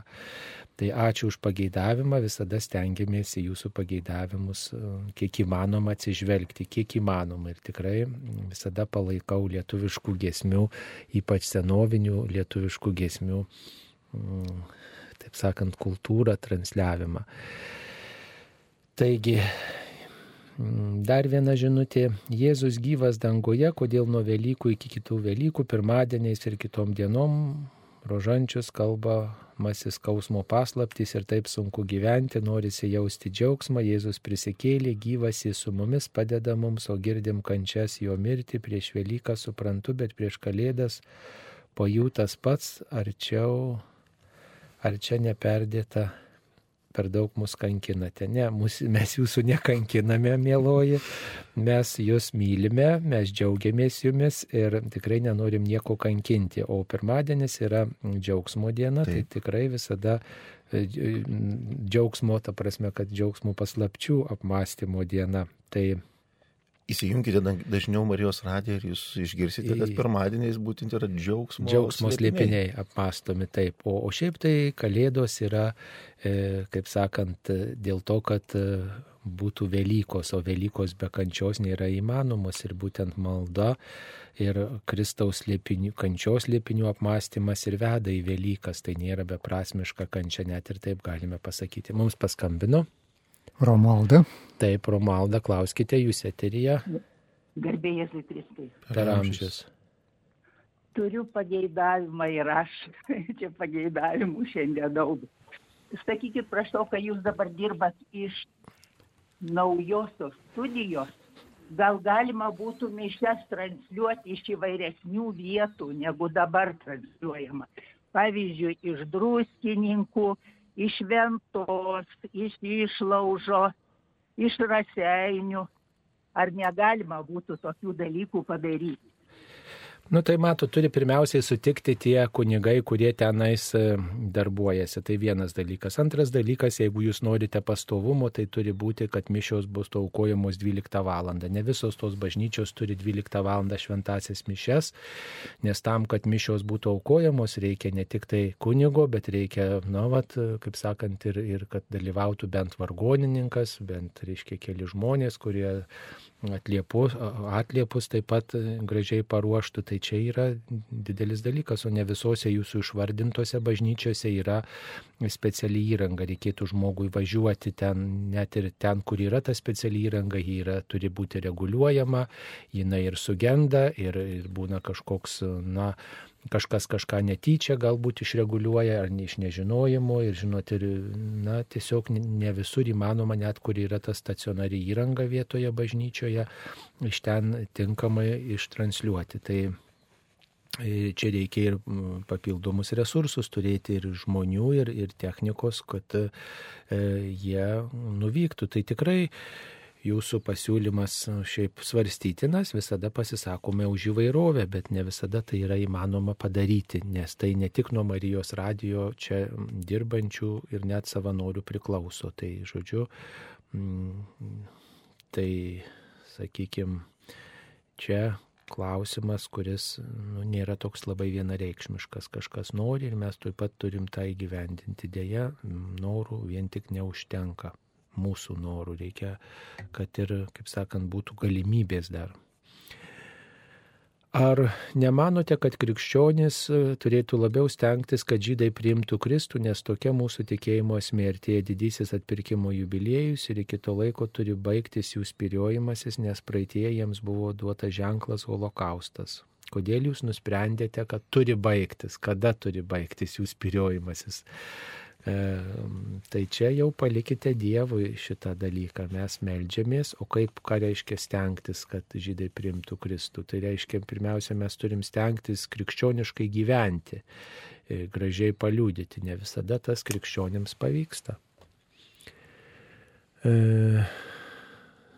taip, moteriai patarimas užprašyti šventasias mišes, nežinom, kokiai moteriai nori. E, ar palaimintojo Karolio Kučio kūnas yra negendantis, ar yra balizamuotas. Na tai tikriausiai visi tie mirusieji yra mm, tam, tikra, tam tikrų būdų paruošiami, tai galima sakyti, kad tai balizamuotas yra kūnas. Mm, taip galėtume pasakyti. E, popiežius dėl moterų kunigystės yra sakęs, kad Jėzus būktai uždraudęs moteriams būti kunigėmis, bet kad Biblijoje neradau tokio užginančio pasakymo, o kad vien vyrai buvo paštalams, tai jie visi ir žydai buvo, negi iš to išplaukė, kad kunigas Jėzus tik žydų tautybės žmonės liepia skirti. Ne iš to neišplaukė, kad Jėzus kunigais tik žydų tautybės žmonės liepia skirti, nes Evangelija išplito įvairius kraštus. E, Jėzus pašaukė apaštalais vyrus ir e, kvietė Evangeliją skelbti visiems kraštams. Ir natūraliai, kad e, tą Jėzaus tradiciją tęsė, tęsė bažnyčia ir kunigais, apaštalų įpėdiniais išventino tik tai, tik tai vyrus, bet, bet ne tik tai vien žydus, tai, o Jėzus neuždraudė, bet tiesiog Jėzus pasirinko apaštalus, vyrus pasirinko būti apaštalais, tai mes tos tradicijos ir laikomės bažnyčioje. Mm, taip, dar žiūrime kokios žinutės, kodėl bažnyčia klaidina, kad Jėzus gimė tvartėje, iš tikro gimė oloje. Na tai matot, Ola ir atstojo tvartą nuo, kas yra tvartas, tai yra prieglauda gyvuliams nuo vėjo, nuo šalčio, nuo, nuo, nuo, nuo vilkų, nuo, nuo visokių pavojų. Tai, tai Ola ir buvo tvartelis toksai, nu, tai Aišku, kad ne, neišrastų tas tvartelis buvo, bet yra mm, toks inkultūravimas, matot, inkultūravimas. Me, me, mums tos ne visi esam buvę to šventoje žemėje, mm, bet jeigu žinom, kad gimė tarp e, avių su piemenim, piemenys pasveikino visą tai, mm, tai paguldytas vaikelis ėdžiose buvo, nu, tai mūsų kultūrai suprantam, kur yra ėdžios. Ėdžios yra tvartė, nes laukia tai e, gyvuliai žolės kabo. E, va, bet, e, reiškia, reikia ir nuo vėjo, ir nuo pasislėpti, ir nuo, nuo lietaus galbūt, na tai, tai tiesiog vat, taip ir buvo vaizduotas tas Jėzaus gimimas, į, į, priartinant prie mūsų kraštų, išklojant ir samanom, nors ten nebuvo tų samanų, gėlių pamerkiant prie prakartėlės, pagerbent viešpati Jėzų, parodant meilę, papuošiant va, tą vietą va, prakartėlę, nors ten niekas gėlių ne, nemerkė ir ten tų samanų tokių nėra, kaip mūsų kraštai reglutės ten neauga šventoje žemėje, bet mes pritaikom prie savo krašto ir bandom atvaizduoti šiek tiek su siet su šventa žemė, kas mums žinoma, bet kartu norim prisiminti, kad viešpats ir į mūsų žemę ateina ir, ir mūsų tėviniai gimė. Ir, ir šventoje žemėje yra to inkultūravimo, nes e, būna labai keista.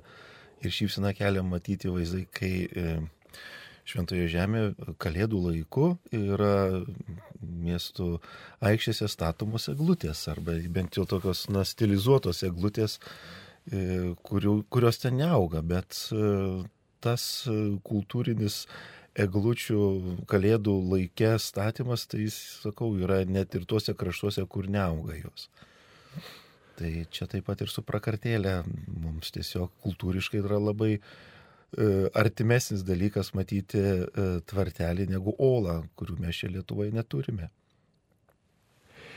Taip, Jėzaus vardo bereikalo minėti negalima, o kaip tik tai žmonės šnekamojoje kalboje dažnai naudoja, sakoma, kiek kartų paminėsi piktą dvasę, tiek jų ateis mirties valandoje ir tai tiesa. Mm, tikrai niekas jums nepasakys, kiek čia kartų ateina ir taip, žodis turi galę. Mes tai žinome, kad žodžiu galime žmogų paguosi, suteikti viltį, galime prakeikti žmogų ir, ir kiekvienas žodis E, šventas rašas byloja, kad mes turėsim už kiekvieną atsakyti. Tai, tai žiūrėkime, ką mes sakom ir kas, kas iš mūsų išeina, kokie, kokie žodžiai. Taip, agotos duona tikrai daro stebuklus. E, magistralinio dujotiekio ties valakėliais gaisras suvaldytas, manau, nebe agotos pagalbos ir dar pridėti bent vieną sveiką Mariją už karo baigti, rožinio malda būtina. Štai toks pasiūlymas toliau melstis už karo baigti, kad būtų tai, kas sakoma, kad reikia atleisti priešams persekiotojams. Karo atveju galioja, ar tai galioja karo atveju? Atleisti priešams. Nu žinoma, kad atleidimas yra e, visom aplinkybėm galioja, net ir persekiotojams mums paskambino. Egidijus iš Kauno. Taip, Egidijų klauskite. Per amžius. Norėjau paklausti, jeigu viską darau iš necijos, beveik pikos lygą turiu. Norėjau paklausti, ar kaip man atsigręžti į Kristų labiau. Atsigrįžtu į Kristų, vėl grįžtu prie necijos po kiek laiko. Taip, kaip atsigręžti į Kristų. Nu, per kantrybę, per, per tokį vis dėlto klusnumą dvasios tėvui, nuodėmklausiui per nuolatinę maldą. Na, čia žmogus gal turi iššūkių su sveikata, tai, žodžiu, nenusiminkit, nepasiduokit nevilčiai, kunigė, ką dar pridėsit. Mm, taip, ateikite dažniau, dažniau į bendruomeninę maldą, į mišes ir turėkite savo, savo kažkokią tai na, reguliarumą tiek toj maldoj, e, tai tas atsigrėžimas jisai neįvyks gal taip žaibiškai ir vienu metu bet, kaip sakant, pastovumas. Tegu jūsų, jūsų dvasinėme gyvenime va, daugiau būna tokio pastovumo ir to tokio susitikimo su, su Dievu.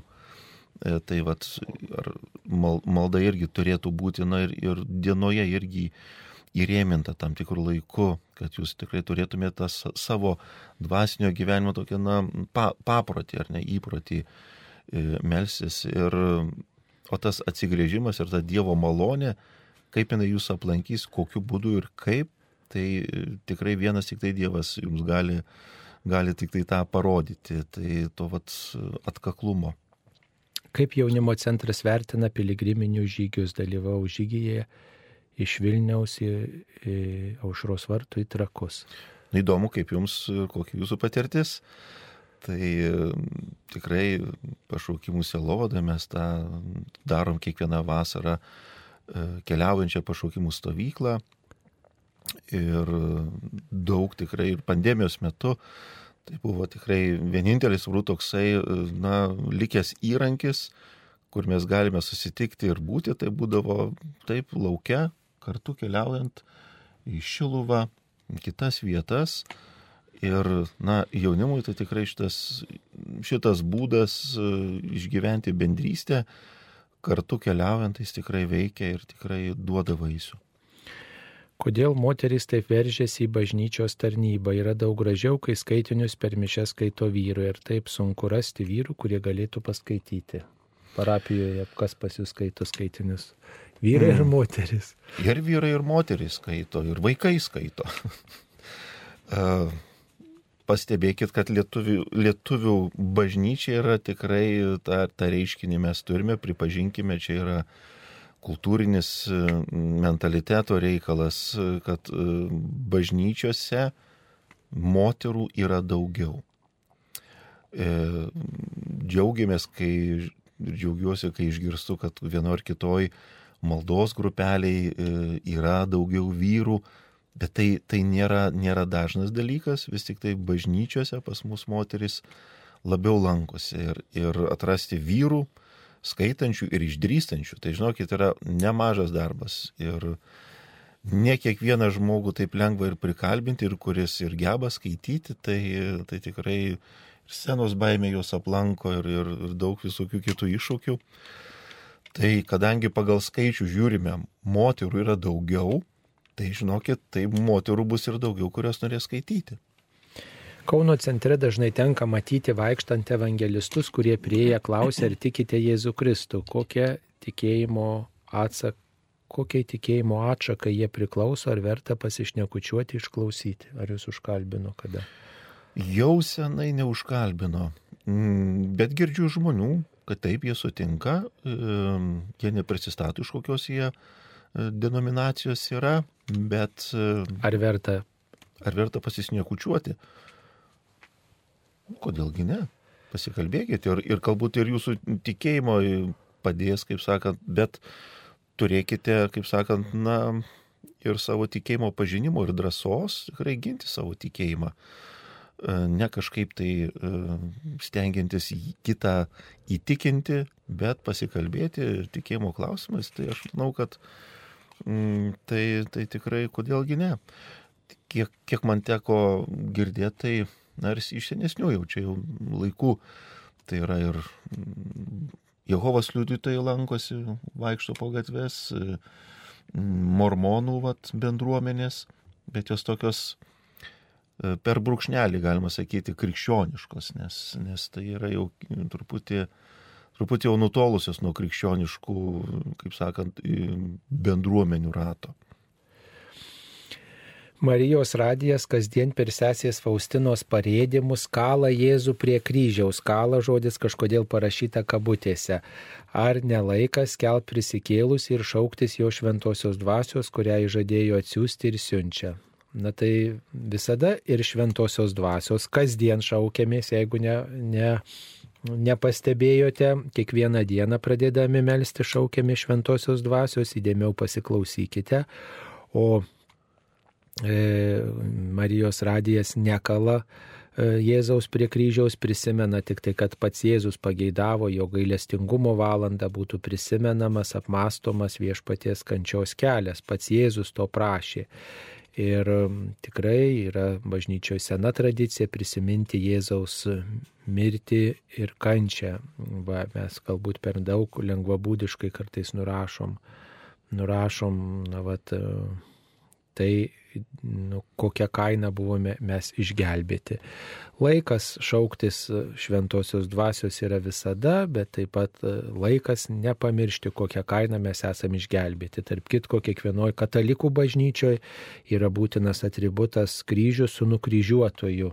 Su nukryžiuotoju nukryžiuotojo figūrėlė, kad mums tai būtų akivaizdus prisiminimas. Ir mišios taip pat yra auka auka pirmiausia yra auka, kuri yra sudabartinama, tai yra Kristaus mirties, kančios ir prisikėlimo išgyvenimas. Tai va. E, mums paskambino. Onutė iš Lentvario. Taip, klauskite. Taip, Vilniaus arkiviskupijos. Aš noriu labai jūsų pasiklausti apie tokią maldos grupelę motinos maldoje kur mamos ten meldžiasi, girdėjau už vaikus, už anūkus, už šeimas. Ir apie tą maldos grupelę norėčiau susižinoti, kokios gal maldos yra specialios, kaip gauti informaciją, mes, nes mes savo parapijoje irgi labai norime įkurti šią grupelę. Nuostabu. Taip, mūsų parapijoje Kaune šita grupelė egzistuoja ir yra, tai yra tarptautinė, tarptautinis e, šitas maldos toksai e, judėjimas e, motinos maldoje. Tos maldų grupelių yra susirinkimo, na, tam tikras formatas, kaip, kaip, kaip melžiamasi tai yra toksai, na, tas judėjimas, aš dabar nepasakysiu kontaktų jums tikrai, bet e, manau, kad galima rasti internete arba jau tiesiog tada Į šeimos centrą. Šeimos į šeimos centrą. centrą skambinkite savo arkiviskupijos, viskupijos šeimos centrą skambinkite ir tikrai mm, ten turės kontaktus. Jeigu jūs atsiųstumėte žinutę, tai mes e, telefonu e, trumpąją žinutę atsiųstumėte savo telefoną, tai mes galėtume jums, e, jums kažką daugiau pasakyti, jums asmeniškai, nes čia turbūt ne visiems klausytojams yra įdomu, tai yra tarptautinis judėjimas ir tikrai specialios maldos už vaikų atsivertimą ir tikrai motinos ir tėvai ten renkasi. Taip. E, dar viena žinutė norėjau paklausti sūnui. 50 metų jis augina nešioja barzdą, nors man tai nepatinka, mane erzina, aš už tai keikiu, kas daro didesnę nuodėmę sūnus ar, ar aš kaip motina. Ar jis privalo paklusti mano norams? Ne, jis neprivalo jūsų norams paklusti ir nustokite keikti savo vaiką.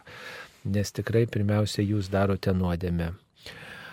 Kodėl nėra galimybės klausyti Marijos radio Kaišėdorių rajone? Yra galimybė klausytis internetu ne tik Lietuvoje, bet ir visame pasaulyje. Galbūt tai e, galima tokiu būdu e, taip spręsti.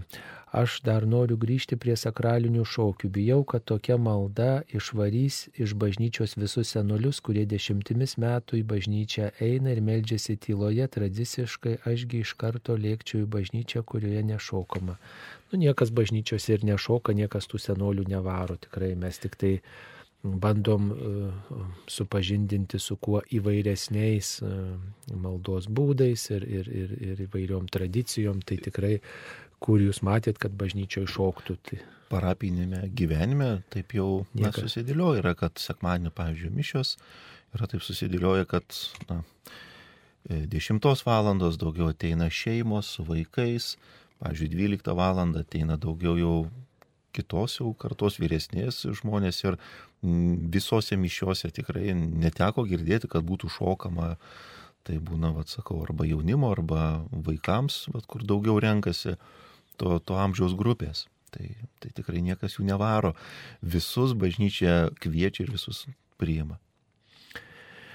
Kada bus atstatytas prieėji- prieimas prie laidų, pabandžius kurią paklausyti, meta could not play video, nors jokių video per Marijos radiją niekada nebuvo rodoma. Na tai čia yra tam tikrų trikdžių ir tas yra daroma, žodžiu, kad būtų galima paklausyti e, taip transliuotas laidas, tai tikrai turėkite kantrybės. Penktadienį per Vatikano žinias paskelbė, kad arkivyskupas Lionginas Virbalas paskirtas Jelovados pirmininku vietoje jam žinybę iškeliavusio Edmundo Putrimo, ar mūsų vyskupas išvyks tarnauti į užsienį. Na tai klausime truputį yra klaida, jis tikrai nesielovados pirmininkas, bet atsakingas už lietuvių sielovada užsienyje, tiesiog viskupų konferencijos delegatas užsienio, lietuvių užsienio sielovados ryčiai. Taigi, o ar išvyks tarnauti į užsienį, aišku, kad jis turės daugiau keliauti, nes įprastai tas atsakingas ganytojas lietuvių sielovada užsienyje besirūpinantis ganytojas, tai daugiau keliauja. Tai tikriausiai, kad ir arkiviskupui Lionginui teks daugiau keliauti po pasaulį, lankant lietuvius toli išvykusius. E, Taip, mums paskambino. Bronislava iš Panevežio. Taip, klauskite. Tai ar Lionginas Virbalas gyvens Lietuvoje ar užsienyje? Tikrai negalime pasakyti. Greičiausiai gyvens Lietuvoje, o važiuos, važiuos vadinasi, aplankyti bendruomenį užsienyje, taip manyčiau. Va, tai, e, Reikia tiesiog jo paties paklausti, nebuvo progos su juo susitikti, tai negalime pasakyti. Tai tikrai, na va. Dabar kodėl sekmadienį vakare nedavė vyskupo Kaunecko homilijos? Sekmadienį vakare mes ir neduodam vyskupo Kaunecko homilijos, bet klausykite mm, jos sekmadienį rytais. Na, tai čia būna kartais tokių, mm, žodžiu, įvairiausių niuansų, kad žmonės pasigenda, pasigenda homilijos. Taip, ar galima būtų šią laidą kartoti sekmadienį 22 val. Na tai jau jeigu negirdėjote, tai ką dabar darysi, galima, galima pasiklausyti internetu šitos laidos. Dar viena žinutė, e, tokia subtilė tema, ar santokoje priimtina užsiimti oralinio tipo politiniais santykiais. Na va, ką galite kunigė pasakyti? Moralinė teologija visados mokina ir mokins, kad e, lytiniai santykiai tarp vyro ir žmonos santuokoje e, jų tarpusavio meilė ir meilės išraiška turėtų būti atvira gyvybei. Taip ir šio tipo santykiai turėtų baigtis lytiniu aktu, bent jau taip reikėtų suprasti. E, pastoviai jaudinuosi, nepadeda nei vaistai, nei malda, kaip galiu būti dėkingumo Dievui būsenoje. Mm, na tai jeigu reikia jums vartoti vaistus, tai tikrai juos vartokite ir nenutraukite, mm, pasitarkite su gydytojais, mm, o dėkingumo Dievui būsena tai yra už viską Dievui dėkoti, tiesiog prisiminti, kad viskas yra dovana ir, ir, ir sveikata yra dovana, ir vaistai yra dovana, ir, ir mm, gydytojas yra dovana, ir, ir gyvenimas yra dovana, ir jūs esate dovana, ir viskas yra nepakartojama. Tai pirmiausiai dėkoti Dievui už kiekvieną akimirką. Ta būsena, dėkingumo Dievui būsena, tai yra prisiminimas, buvimas čia ir dabar ir su džiaugsmu prieimimas kiekvienos akimirkos kaip nepakartojamos. Taip, daugiau pasitikėti, pasitikėti Dievu ir atiduoti tą savo nerimą ir tas baimės e, į Dievo rankas.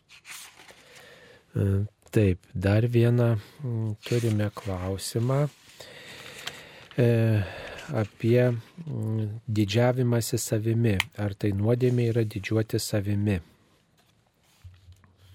Gerėti savimi, didžiuotis, kunigė, ar jums teko? E, girdėti? Dėkoti Dievui už patirtas malonės ir dovanas ir neslepiant jų, tai manau, kad mūsų lietuviškas toksai galbūt irgi yra mentaliteto dalis, kad mes, mes linkę taip labai, na, kuklintis už, už tai, kuo, kuo aš pats esu, na, apdovanotas. Mes turime kiekvienas savų dovanų ir tuo džiaugtis, bet, žinot, iškeliant ne ką, ne patį save, bet tai, kad Dievas mane apdovanojo, ar ne? Kai muzikantas parašo kažkokią tai naują dainą ir kūrinį, tai iš kur jis įkvėpimą ima? Iš to paties Dievo malonės, ar ne? Bet kada muzikantas ar menininkas aukština vien tik tai save, kad tai čia yra aš taip pats viską padariau ir, ir, ir sukūriau ir taip toliau, tai aišku, kad jisai tada aukština vien tik tai save ir visai nepripažįsta, kad, kad e, iš kurėjo mes viską turime, kaip ir Paštalas Paulius sako, ką mes turime, ko nebūtumėm gavę. Tai visas dovanas tikrai už tą dėkojant Dievui, ne, ne, nesipuikuojant ir nesididžiuojant, e, ypatingai tokiais atvejais, kada šalia esantys žmonės pradeda jausis nejaukiai ir ne, nesmagiai, kada žmogus pats rodo labai ir demonstruoja savo gebėjimus ir, kitus kažkaip tai nebyliai taip pažemindamas. Tai be abejo, kad tai tada yra ir nuodėmė. O, o dėkoti Dievui už patirtas malonės ir liūdimai, pavyzdžiui, ne, mes turime visus liūdimus, kai žmonės kalba, ką jie patyrė gero iš Dievo, kaip jie išgyveno tikėjimą, ar ne, tai vis kitus žmonės ir pakelia ir suteikia jiems daugiau ir vilties, ar ne, kad tie žmonės apdovanoti buvo kodėl ir, ir aš turiu taip pat irgi savų dovanų. E, taip, dar vienas klausimas apie išgelbėjimą Dievo malonę. Kodėl protestantai sako, kad mes užtenka tik tikėjimo, vien Dievo malonę esame išgelbėti, o kaip mano katalikai? Ir darbais. Mes į tos katalikai pridame, kad ir darbais. Tikėjimas be darbų yra miręs, va, mes turbūt tą turėtume labiau pridėti. Nu, pakanka, sako, tikėti, kad tai protestantai ir mes būsim išgelbėti, tačiau katalikai pabrėžia, kad reikia tą tikėjimą ir savo gyvenimu paliūdyti. Neužtenka tik sakyti tikiu, bet reikia ir gyvenimu atsiliepti Dievui. Tikėjimas be darbų yra miręs. Va. Mm, jeigu aš tikiu, bet aš nesistengiu gyventi, kaip Dievas moko, tai Sakoma, kad Liuteris, kai išvertė savo, padarė pirmąjį vertimą, jisai netgi šitos žodžius buvo išėmęs iš pašto Jokūbo laiško dėl darbų. Vėlesnės redakcijos sugražino visą, nes tai ne, nebuvo autentiškas vertimas, išmetant kažką tai arba išimant. Bet Liuterio teologija, tai jisai tam, jis tai turėjo su tuo labai nu, nemažų iššūkių kad būtent tą jos, jo teologiją pagrysi vien tik tai darbais, arba vien tik, tarsi ne vien tik darbais, bet vien tik tai tikėjimu ir vat, vien tik tai malonė, kad esame išgelbėti. Na va, per visą gyvenimą Dievas nei malonių, nei dovanų nedavė, ar nuodėmė dėl to Dievą keikti. Aišku, nuodėmė Dievą keikti yra ir tikrai jūs elgėtės nedėkingai, nes jūs nepastebite tų malonių ar dovanų, kurias Dievas davė. Kad jūs gyvenate jau yra dovana. Taip. Kad jūs turit sveikatą, kad jūs sutikote įvairių žmonės yra dovana, tai visada reikia pažiūrėti, o kas gero buvo jūsų gyvenime. Ar jūs turite duonos kasnį, štai turit mobilų telefoną, va, iš kurio parašyt. Ar tai nėra dovana, ar tai nėra stebuklas, kad galiu atrašyti žinutę kažkam, ne? Juk tai yra dovana, kad galiu suge, sugebu, sugebu parašyti žinutę. Kiek žmonių nesugeba žinutės parašyti? Kiek žmonių net nemoka skaityti? Nu, va, o jūs mokat ir skaityti, ir gyvenimą turite, tai tiesiog, na gal toks labai liūdnas jūsų požiūris, daugiau vilties jums, o ne taip kunigė. Be abejo. Bet taip, liūdėsys gali aplankyti kiekvieną žmogų ir labai netgi apdovanotų žmonės gali, gali nuvesti va, į tokias niures, tokias nevilties pilnas mintis tai apsižvalgykite, apsižvalgykite aplinkui, turite žmonių ratą ar ne, turite už daug ką dėkoti, bet vat, pradėti dėkoti už labai paprastus dalykus, įvardinti tuos dalykus ir tai jau yra kelias į viltį už naują dieną, kuri niekada jau nepasikartos, už tą unikalią dieną, kurią šiandien gyvenu, va, šiuos metus, kuriuos Dievas duoda. Nu, yra tokių žmonių, kurie labai turbūt viską žiūri, jo man Dievas nieko nedavė. Nu, tai, nu, kodėl taip galima mąstyti, nes per daug nusiminę žmogus arba labai nuskriaustas, labai atstumtas kitų, sužeistas, bet žinot, net ir tie sužeidimai gal jūs išmokė nuolankumo, kantrumo išmokė, Va, ir už tai gal Dievui verta padėkoti. Ir negi nesutikot ne vieno gero žmogaus per visą gyvenimą, ne vieno gero žmogaus, kuris jums padėjo, paskolino kažką, patarė, pagyrė, pasakė gerą žodį, o gal ir jūs tada niekam nepasakėt. Tai Ačiū e, visiems, kurie klausėtės mūsų, linkime dėkoti ir, ir džiaugtis kiekvieną akimirką duonos kasneliu, vandens šlakeliu, metų laikais, e, e, sveikata, gyvenimu ir viešpats te laiminate saugo jūs. Ačiū kunigui Liutauriui Vileniškiui iš Švento Juozapo parapijos Kaune, taip pat prie mikrofono buvo ir aš kuningas Saulis Bužauskas. Būkite palaiminti ir dėkingi Dievui už visą, ką Jis mums teikia. Ačiū sudė. Sudė.